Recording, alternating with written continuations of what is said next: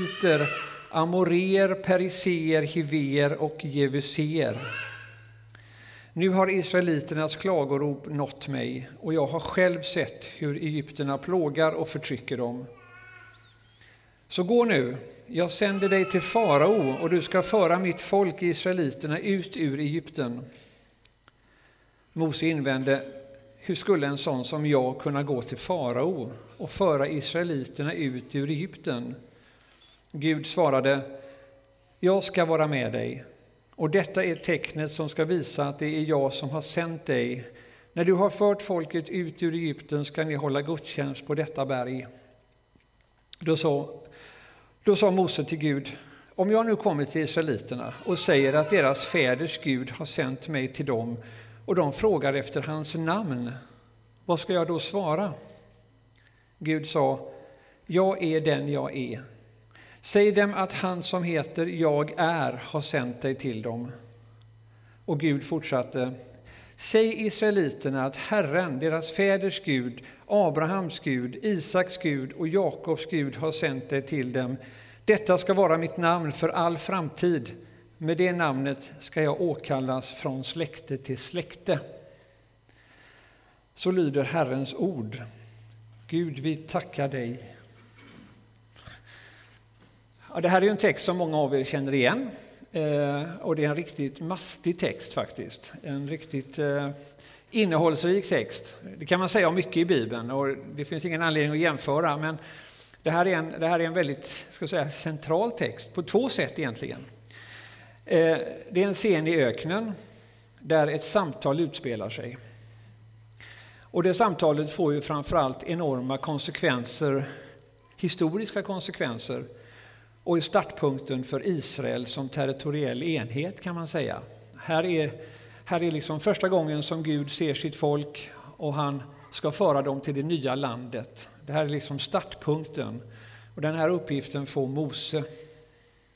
Men denna predikan ska inte handla om det, det kan man ju naturligtvis säga väldigt mycket om. Utan det är vad som sägs direkt mellan huvudpersonerna som vi ska tala om. För texten har två huvudpersoner förstås och det är Moses och det är Gud. Och texten handlar mer om Gud än om Moses, men vi ska ändå ta och rekapitulera lite grann om Moses, som är en person som för judarna är väldigt betydelsefull och även för oss som kristna förstås. Vem var Moses? Ja, vi kommer kanske ihåg från söndagsskolan en del.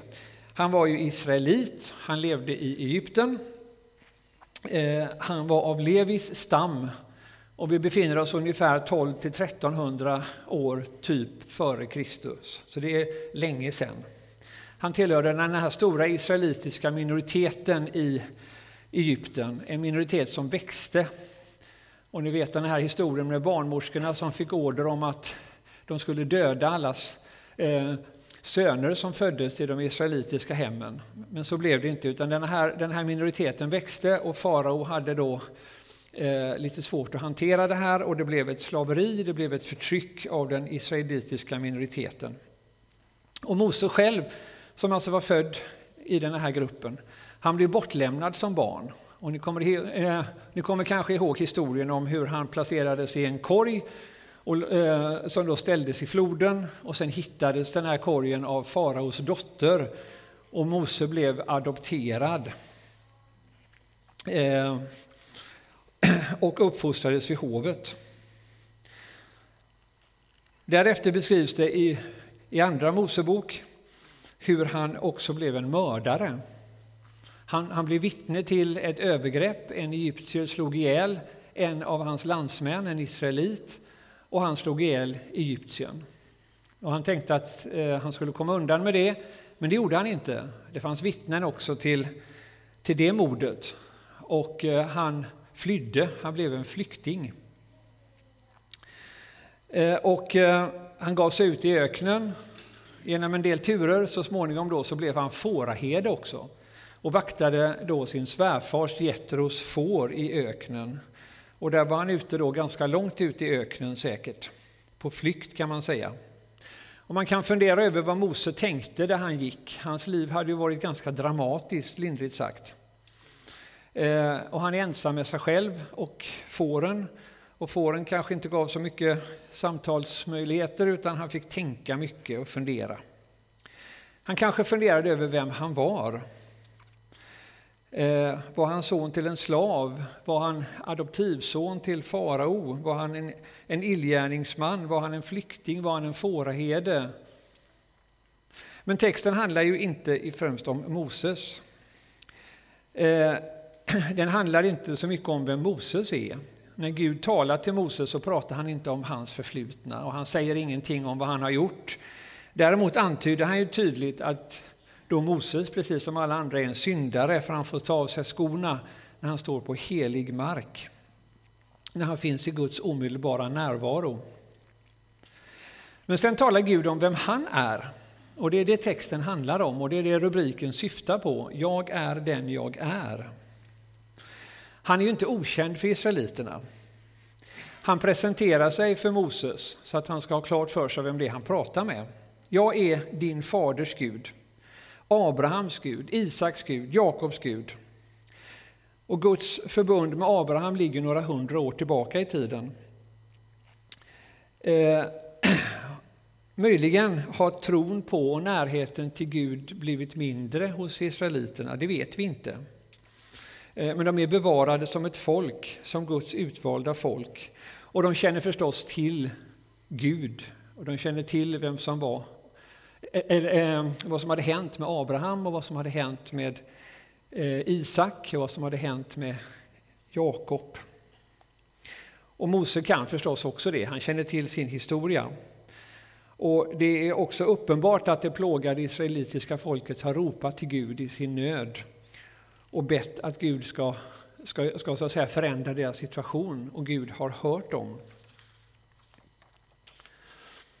Det kan tyckas märkligt att Moses ändå frågar efter Guds namn.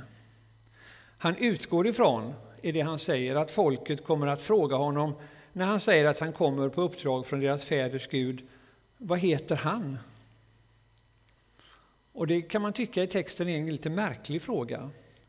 Vad har, vad har han för namn? Vilken Gud är det som har sänt dig? Eh, varför räcker det inte med att Moses säger att det är fädernas Gud som har, eh, som har kallat honom och sänt honom? Men uppenbarligen så är det viktigt för Gud också i den här situationen att säga något mer om sig själv. Gud är en benämning i vårt språkbruk, inte något namn. Gud kan betyda mycket olika saker. Vi pratar om avgudar och vi pratar om eh, muslimernas gud och vi pratar om andra gudar. Så Gud är ju inte något namn egentligen, även om vi kan läsa det som ett namn i Bibeln. Och vi använder det ofta som ett namn, men det är egentligen en benämning. Men ett namn säger något mer. Och därför är det viktigt att, för, eh, att försöka förstå vad Gud vill säga om sig själv. Det är viktigt i kommunikationen med Moses, men det är också viktigt i ett mycket större perspektiv. När Gud säger i vers 15, detta ska vara mitt namn för all framtid. Med det namnet ska jag åkallas från släkte till släkte. Och Herren säger att hans namn är Jag är. Jag är den jag är. Det är alltså inte bara just i den situationen som han syftar på, utan det ska vara ett namn som han ska bära för all framtid, eh, från släkte till släkte. Vad betyder detta? Vad betyder Guds namn? Hur ska man förstå uttrycket ”jag är den jag är”? Går det överhuvudtaget att förstå? Man kanske tycker att det är ett fantastiskt namn, ”jag är”. Men sen, kanske, sen är det lite jobbigt att försöka förstå vad det skulle kunna innebära. Vi kan inte riktigt fatta det. Och kanske är det på det viset som man ska närma sig det hela, men det finns också en så säga, fördjupning av det här kan man säga. Den hebreiska eh, verbformen har många nyanser, både vad gäller ordförståelse och tempus, det vill säga tidsaspekten. Man har, man har angett att möjliga översättningar i en språklig kontext från den tiden skulle kunna vara Jag är den som är. Jag är den varande. Jag är varat själv. Jag är den som låter något bli till. Jag är för att jag är. Jag är den enda som har existens i mig själv. Jag är det som jag kommer att vara. Jag är det som jag kommer att göra. Jag är det som ni kommer att se och märka. Jag är där, närvarande. Och då växer det här begreppet lite grann.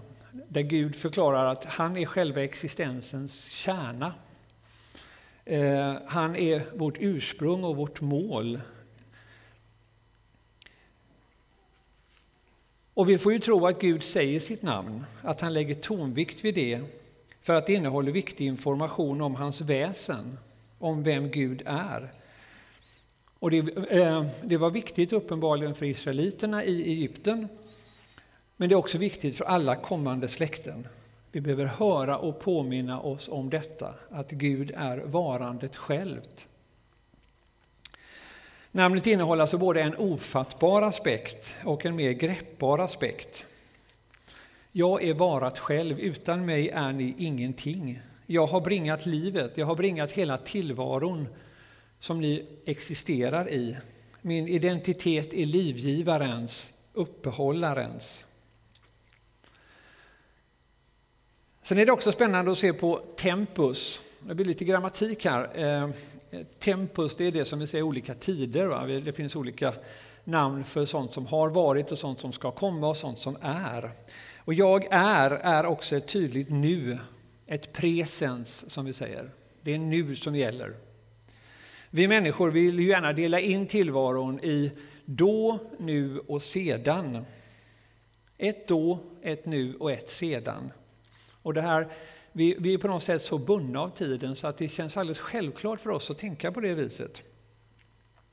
Och den aspekten finns också med i till exempel Uppenbarelseboken 1 där Johannes hälsar med följande eh, ord. Nåd från honom som var och som är och som kommer.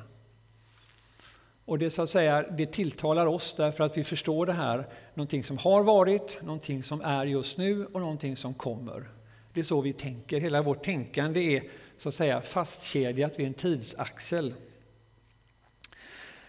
Och kanske finns också det med i Guds tilltal till israeliterna. Han syftar ju på det han, som han, ha, han har gjort. Han var Abrahams Gud. Eh, han var verksam i relation till Abraham och till Jakob. Eh, men ändå på något sätt, det var då. Och Det kanske är så för oss ibland också att vi tänker oss Gud på något olika sätt. Jag tänker så ibland i alla fall. Eh, man kan tänka att Gud verkade förr, på Bibelns tid. Eller kanske, man kanske inte ens behöver gå tillbaka så lång tid. Då var Gud viktig. Eh, då hade Gud en annan roll att spela. Då eh, hade vi inte så mycket kunskap och erfarenhet. Kanske tänker vi själva när vi ser tillbaka på vårt liv som kristna hur det var när vi precis lärde känna Herren. När vi precis som Mose närmade oss Gud på något sätt och kände att vi stod på helig mark. När vi levde när, kanske närmare Gud. Jag vet inte hur det är för er, men jag kan känna så ibland att precis när jag kom till tro så kände jag mig väldigt nära Gud. Och jag längtade efter hans närvaro. En längtan som kanske med tiden då har blivit annorlunda eller kanske försvunnit eller minskat åtminstone. Eller om vi läser en bok, till exempel Per Eives senaste bok som handlar om väckelsen på 1800-talet i Sverige. Då tänker man wow, då var Gud verkligen i görningen, då hände det saker. Men det var då. Eller vi läser Karl-Erik Salbergs bok i kyrkohistoria om allt det fantastiska som har hänt tillbaka i tiden. Då var Gud viktig, då var Gud mäktig, då var Gud på riktigt. Eller kanske vi tenderar att placera Gud i framtiden. Ja, eh, just nu har jag inte riktigt tid med Gud. Eh, senare kanske, senare i mitt liv, senare i mänsklighetens eh, existens så kommer Gud att göra sig synlig igen på samma sätt som förr. Men inte nu. Det ligger fram i tiden. Vi får se, det kan inte uteslutas. Och så skjuter vi upp Gud. Vi prioriterar annat. Och Gud kanske får en plats när vi blir gamla men nu hinns han inte riktigt med, men sen kanske. Visst känner ni igen någonting av det som kan finnas i våra liv? Vi skjuter det här framför oss, vi tittar tillbaka, men vi behöver då påminnas om, eh, som den här, eh, som den här texten gör, om nutiden, presens. Gud är ju utanför tiden. För Gud finns, vi brukar säga så ibland för att få någon sorts greppbar bild av det, att för Gud så är tusen år som en dag och en dag som tusen år. Eh, Gud är på något sätt tidlös. Eh, och när Gud säger så här att jag är, så menar han nu och här, inte bara då och inte sedan. Det är bra och trostärkande att läsa om hur Gud har verkat och hur Gud har, har så att säga gjort fantastiska saker både i Sverige och på andra ställen. Eh, det är bra att läsa kyrkohistoria som ett vittnesbörd, men vi får inte låta det på något sätt skymma det faktum att Gud är. Det är också bra att leva med en framåtsyftande perspektiv, att tänka framåt, att tänka eskatologiskt som det heter, på den yttersta tiden. Det är också viktigt, men det får inte skymma det som är. Så även om tiden inte finns för Gud så tydliggör han med sitt namn, han vet ju hur vi tänker, han vet att vi är, sitter fast i tiden. Men han tydliggör att han inte bara har varit och kommer att vara, inte bara preterium som det heter med ett fint grammatiskt ord för gången tid. Eh, eller perfekt, imperfekt hette det när jag gick i skolan. Och inte heller bara som futurum, utan det är presens. Guds namn, jag är, Jave, säger oss att Gud mest av allt är nu. Hans existens är pågående. Den är mitt i livet, våra liv. Nu, idag, här. För i Guds tidlösa existens är det ett ständigt nu, ett ständigt presens. Det är svårt att förstå för oss som sitter fast i tiden. Allt sedan syndafallet tror jag vi sitter fast i tiden. Jag tror inte tiden fanns på samma sätt innan syndafallet. Jag tror att den kom in då, att vi klev in i tiden på något sätt och blev tidens slavar. Vi började åldras va? och det är ett väldigt typiskt tecken på att tiden går.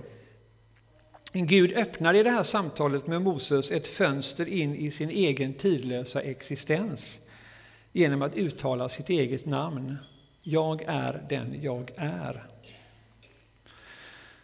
Jag vet inte om ni har läst Einsteins relativitetsteori från 1905, den, den specifika eh, relativitetsteorin, eller den första relativitetsteorin, där han knyter ihop tid, materia, energi.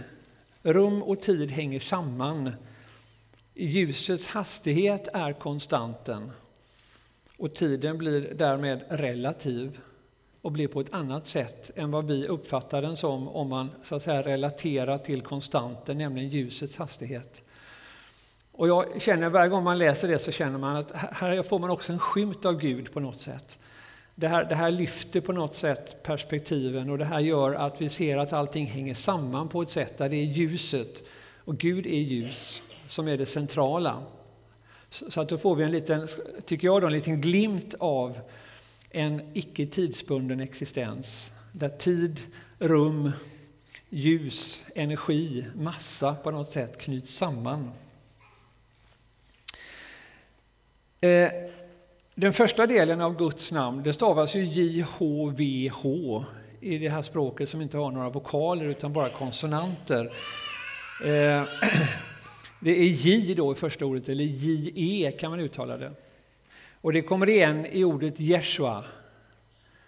Jeshua, Jesus, som betyder då Gud frälser, Gud räddar. Och det finns också med i ordet halleluja, men det är ett A istället som kommer efter J. Prisad vare Gud, halleluja. Det knyter ihop så att säga rent språkligt lite granna så, så, så åsyftar det eh, Guds namn som han presenterar sig i Andra Mosebok. Och själva gudsnamnet jag är alltså kopplat till Kristus. På grekiska, och jag kan inte grekiska, och det här är sånt som jag har knyckt ifrån sånt som, som, sådana som kan grekiska, eh, så, så, eh, så, säger man jag är ego eimi. Ego eimi. Och detta säger Jesus i den grekiska grundtexten några gånger på ett sådant sätt att omgivningen reagerade, för detta är ett väldigt tydlig koppling till gudsnamnet I Markus 14 berättas att översteprästen vid rättegången mot Jesus frågade honom Är du Messias? Och Jesus svarade Ego eimi, jag är. Fast i våran, eh, i våran bibel står det ja, ja, det är jag, eller det är jag. Men han säger ego eimi, jag är. Rent språkligt kan alltså uttrycket betyda det, här, det är jag som svar på frågan. Men reaktionen på hans svar visar att det syftar på gudsnamnet, för prästen kallar det för hädelse. Och, och det stod också att alla fann att han förtjänade döden. Prästen alltså. Att göra anspråk på att vara Messias var i sig ingen hädelse, men att göra anspråk på att vara Gud var en, var en svår hädelse. I Johannes 8.28 säger Jesus, när ni har upphöjt Människosonen ska ni förstå att jag är den jag är, att jag är Gud. Och i vers 58, sannerligen jag säger er, jag är jag, jag är och jag var innan Abraham blev till. I berättelsen om när Jesus grips i Getsemane så skriver Johannes i kapitel 18 att vaktstyrkan frågade efter Jesus från Nasaret och Jesus svarade Ego Amy. jag, jag är. I vår bibel står det det är jag, men det är jag är. Återigen, Guds namn. Den kristna tron hävdar alltså att den Gud som, har, eller som är varat själv, som är den verksamma skapande kraften i, i allt som har varit, allt som ska komma och framförallt allt som är, det är Gud. Och att Gud i Jesus blev människa, en verklig människa. När man säger att Gud finns överallt så här så kan man ibland tycka att det här låter panteistiskt. Men det är också viktigt att säga att Gud finns i alltet men är inte alltet. Gud är skild från sin skapelse. Den kristna tron är inte en panteistisk tro. Gud finns i sin skapelse men är ändå skild från skapelsen. Men i Jesus Kristus bryts den gränsen. Gud gör sig till ett med en del av sin skapelse i en människa. Och alla människor erbjuds att bli gudomliggjorda genom att förenas med den människan som också är Gud. Så det här jag är och eh, ska säga, det här tidsobundna och rumsobundna blir plötsligt då fysiskt. Det blir en människa, en människa som också åldras och som lever under tidens villkor och som vi kan få gemenskap med och som dör för våra synder så att vi blir en del av honom och därmed också en del av Gud. Där vid Horeb, vid berget Horeb i Midjans land får, eh, får, eh, får Moses en viktig kallelse. Och i det sammanhanget säger Gud sitt namn, jag är. Och det säger han också till oss. Jag tror att det är Guds budskap till oss. Jag tror att det är ständigt är aktuellt, någonting vi kan påminna oss om. Jag är den jag är. Det är Gud. Gud är. Och att det är presens, att det är nutid, att det gäller här och nu. Och när Moses, säkert med ganska stor bävan, lämnade det här mötet, när det här mötet var slut vid den brinnande busken och han skickades tillbaka till Egypten. Han hade flytt därifrån, han skickades tillbaka, han hade alla odds emot sig. Han gick in i ett otroligt tufft uppdrag. Men Gud var med honom och genom, eh, genom Guds kraft lyckades han också genomföra Guds plan. Och det kan vi läsa i fortsättningen på Moseböckerna. Och visst är det hoppingivande när vi kommer nära Gud och han påminner oss om att han är. Jag är. Jag är den som är. Så vet vi att om han sänder iväg oss på ett kanske inte riktigt lika mäktigt, men kanske någon typ av uppdrag åt oss, en uppgift vi har, någonting som han vill lägga på vårt hjärta, så är han med oss nu och i alla dagar. Amen.